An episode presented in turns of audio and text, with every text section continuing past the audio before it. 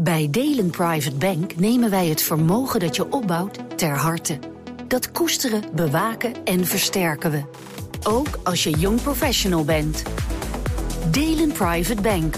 Voor vandaag en morgen. Een goedemorgen van het FD. Ik ben Elfanie Nitoulaar en het is vrijdag 11 november.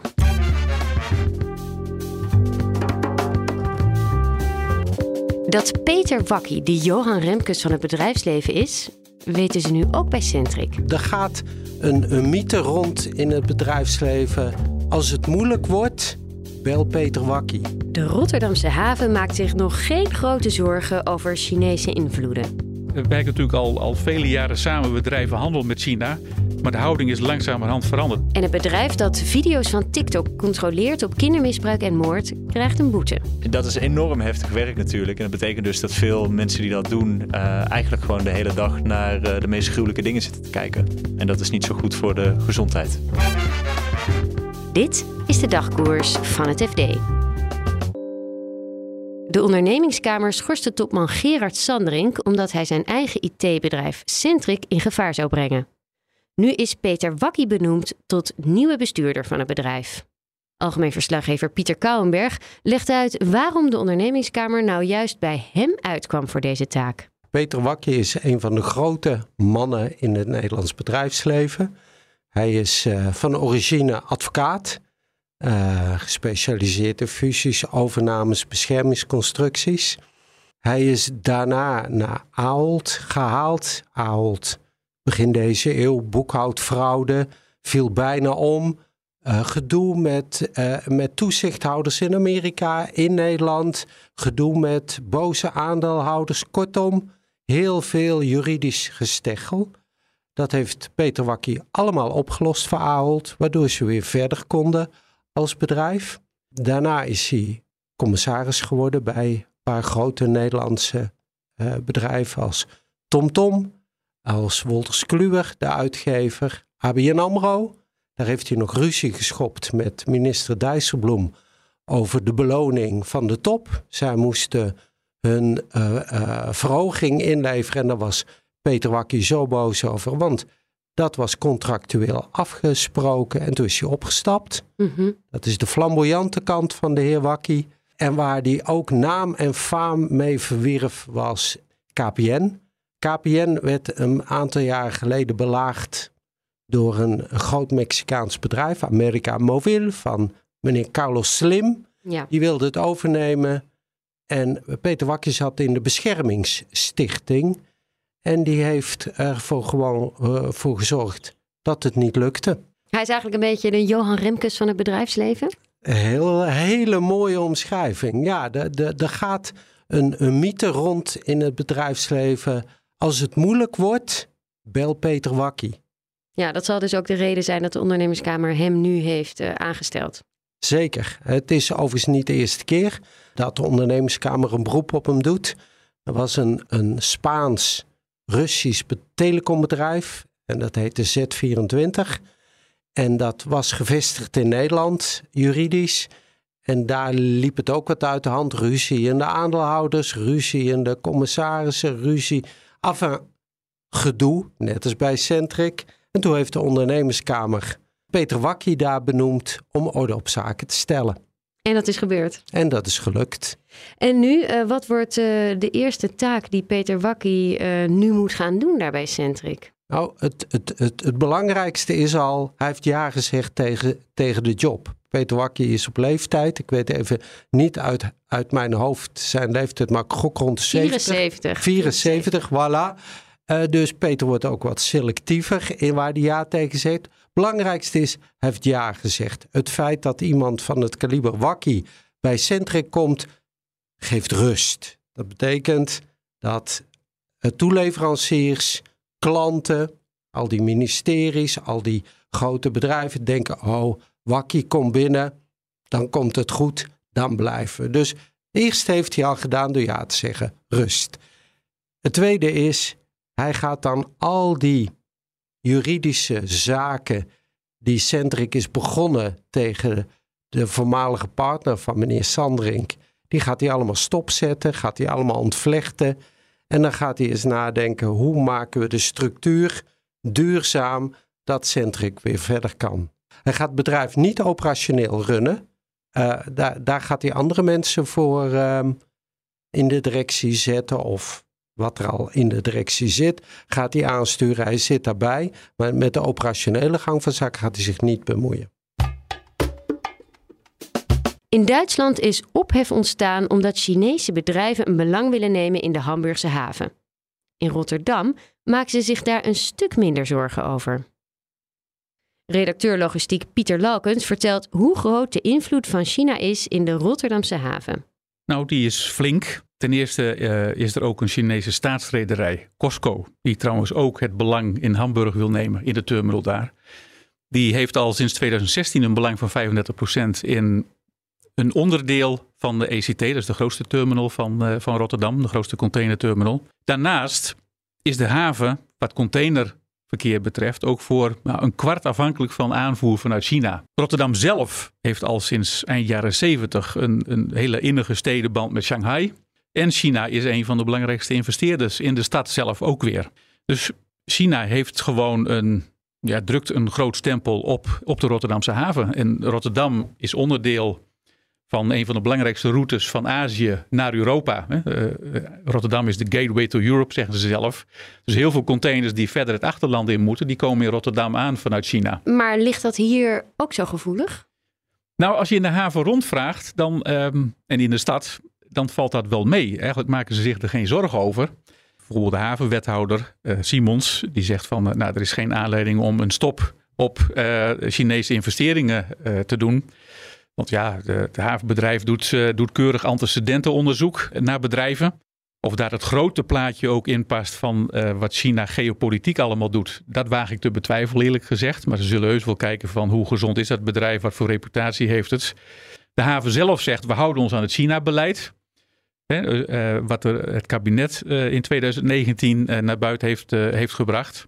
En als we ons daar houden, ja, dan is er voor ons geen aanleiding om ons anders op te stellen om ons te weren tegen investeringen vanuit, uh, vanuit China. En wat is de angst? Uh, want uh, die is er, als je naar de Hamburgse haven kijkt, is die er natuurlijk wel. Ja, die angst en die vrees die is er zeker. In, in Duitsland hebben zes ministeries gezegd, sta niet toe dat Costco een belang krijgt in een terminal in Hamburg. Want ja, Europa is anders gaan denken over China. We, we werken natuurlijk al, al vele jaren samen, we drijven handel met China. Maar de houding is langzamerhand veranderd. Dat komt voor een deel uh, door de politiek in China zelf en uh, de, de positie van, uh, van de president Xi Jinping. er is net een, een, een volkscongres geweest. daarin blijkt natuurlijk ook sterk een, een, ideologie, een Chinese ideologie, om de dominantie in de wereldeconomie uit te, uit te breiden. Men vreest ook, dat is natuurlijk wel langer, de AIVD waarschuwt daar ook voor, voor um, spionage door Chinese partijen, diefstal van technologie, van kennis, westerse kennis. Dus al die vrees die komt dan bij elkaar in, uh, in, in dit soort deelnemingen in Europese havens. Ja, die vrees is dan sterk dat China ook die belangen in die havens, in die terminals in de haven gebruikt om zijn dominantie uit te breiden. Om ook allerlei bijvoorbeeld digitale standaarden op te leggen. Hè? Als je in informatieuitwisseling bijvoorbeeld. Dus dat is de grote vrees. En China heeft natuurlijk ook het Belt and Road Initiative, waarbij je dus ook een nieuwe zijderoute hebt richting Europa. Ze hebben belangen in Piraeus al, in, uh, in, in uh, Spanje, Antwerpen, Rotterdam, Hamburg. Dus je ziet langzamerhand een soort netwerk ontstaan van belangen van, van de Chinese rederijen in uh, Europese havens. En dat is dan toch, is de vrees op de achtergrond, dat gaat ons op termijn minder autonoom maken. We worden overheerst door, eh, door, door eh, de, Chinese dominantie uh, in, de, in de economie. En dat maakt ons minder vrij om zelf beslissingen te nemen. Zijn er al signalen dat zij ook hun vinger proberen, hun stempel proberen te drukken op het, op het beleid, bijvoorbeeld, nou als ja, het over de haven gaat? Ik heb het bij ECT nagevraagd. Um, maar ik heb gevraagd van ja, wat is dan de invloed van, uh, van Costco op, het, op jullie beleid, op het investeringsbeleid bijvoorbeeld? Uh, de invloed van een minderheidsaandeelhouder, wordt er dan gezegd. Wat, hoe die er dan uitziet, dat, daar willen ze niets over kwijt. Wat ik wel heb gezien is dat zij dus wel drie bestuurders in die directie van die terminal uh, hebben. Drie, van hoeveel? Ja, van de tien. Dus dat is, uh, dat is, uh, dus ongeveer een derde. Hè, dat komt wel ongeveer overeen. Maar ze zitten dus wel aan tafel met um, strategiebesprekingen en daar hebben ze wel zicht op. Wat dat voor effect heeft, wat voor invloed dat heeft, dat weet ik dus niet. Dat maakt het zo onduidelijk en zo ondoorgrondelijk. Wat nou eigenlijk de invloed van zo'n rederij is op zo'n terminal en dus uiteindelijk ook op wat er in de haven gebeurt. Het Colombiaanse ministerie van Arbeid doet onderzoek naar de werkomstandigheden bij Teleperformance. Het aandeel van het Franse bedrijf daalde daardoor donderdag zo'n 34% op de beurs in Parijs. Beursredacteur Lennart Sandberger vertelt eerst wat Teleperformance precies doet. Eigenlijk wat zij doen is zij baten uh, callcenters uit. Dus eigenlijk als je veel uh, bedrijven, bijvoorbeeld een, uh, je, je telecomprovider, als je die opbelt, dan krijg je niet iemand uh, aan de lijn die bij het bedrijf zelf in dienst is, maar iemand die in dienst is bij bijvoorbeeld een bedrijf als Teleperformance of Majorel. Dat is een concurrent die in Nederland aan de beurs genoteerd is. En nou ja, dat soort bedrijven die doen dan dat soort diensten. Maar wat ze dus ook doen is wat ze noemen content moderation. Dus dan houden ze in de gaten wat mensen eigenlijk op sociale media zetten. En wat ging er mis in Colombia? Nou, in Colombia daar werken voor Teleperformance heel veel mensen, zo'n uh, 43.000. En een deel van die mensen die deed uh, content moderation voor TikTok. Mm -hmm. En op dat videoplatform moesten ze in de gaten houden of er geen nou ja, kinderporno, geweld, moord en beelden zoals dat verschijnen. En als die er wel zijn, nou, dan moeten ze ervoor zorgen dat die niet bij iedereen op de tijdlijn verschijnen. Maar ja, dat, betekent dus, dat is enorm heftig werk natuurlijk. En dat betekent dus dat veel mensen die dat doen, eigenlijk gewoon de hele dag naar de meest gruwelijke dingen zitten te kijken. Ja. En dat is niet zo goed voor de gezondheid. Dat concludeert dus ook de Colombiaanse overheid. Die zeggen dus ook: dit werk beschadigt de mentale en fysieke gezondheid van de werknemers. Ja. nu is er dus deze waarschuwing. wordt de situatie voor deze werknemers nou beter? Ja, dat is natuurlijk altijd een beetje de vraag als zoiets gebeurt. Maar het laat wel zien nu dat nou ja, beleggers schrikken ervan als er zo'n onderzoek komt. Uh, het is natuurlijk ook zo, als ze een schadevergoeding moeten betalen voor zoveel werknemers, ja, dat, uh, dat raakt zo'n bedrijf behoorlijk. En ja, dan gaat zo'n bedrijf natuurlijk ook wel drie keer nadenken voordat ze nog een keer op zo'n manier werknemers blootstellen aan dit soort ja, gruwelijke beelden. En het is natuurlijk wel een moeilijk iets, want uiteindelijk willen wij allemaal als gebruikers van dit soort platformen, maar ook adverteerders op dat soort platformen, die willen niet dat er de hele tijd allerlei gruwelijke dingen voorbij komen. Dus iemand moet dat in de gaten houden. Want uh, nou ja, je, kan je kan wel denken dat lossen computers zelf al op met AI of wat dan ook. Maar zo goed zijn die systemen nog niet. En uh, dus dat betekent dat er toch echt steeds wel een mens naar dit soort dingen moet kijken. En ja, de vraag is een beetje hoe je ervoor zorgt dat de mensen die dat moeten doen, ja, daar een beetje mentaal gezond onder blijven. Een belangrijke concurrent van Teleperformance is Majorel, je noemde het al eventjes. Die staat genoteerd aan de Amsterdamse beurs en die koers ging ook onderuit. Hoezo ja, dat is klopt. dat dan zo? Ja, omdat die dit eigenlijk hetzelfde werk doen. Nou ja, uh, ze zijn altijd een beetje vaag over wat voor klanten ze hebben. Maar in het verleden in ieder geval werkte Majorel ook voor Facebook. Nou ja, daar zijn een beetje dezelfde problemen. En toen Majorel ook naar de beurs ging, toen waarschuwden ze beleggers daar eigenlijk ook voor. Dan moet je ook je beleggers voor alle risico's die je mogelijk hebt waarschuwen. En een van de dingen die ze inderdaad noemden was...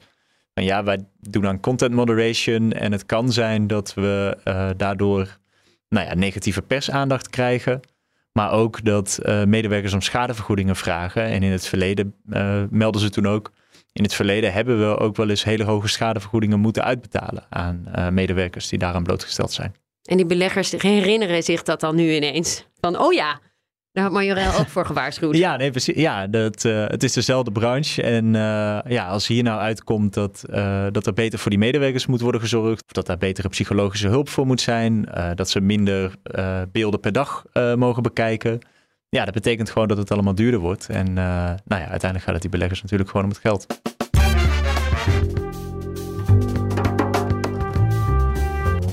Dit was de dagkoers van het FD.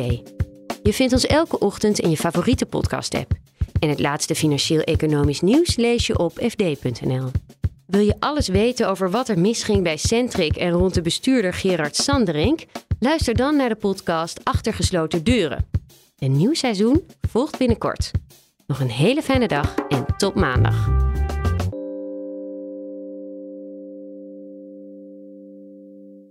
Bij Delen Private Bank nemen wij het vermogen dat je opbouwt ter harte. Dat koesteren, bewaken en versterken we. Of je vermogen nu bescheiden of groot is. Delen Private Bank. Voor vandaag en morgen.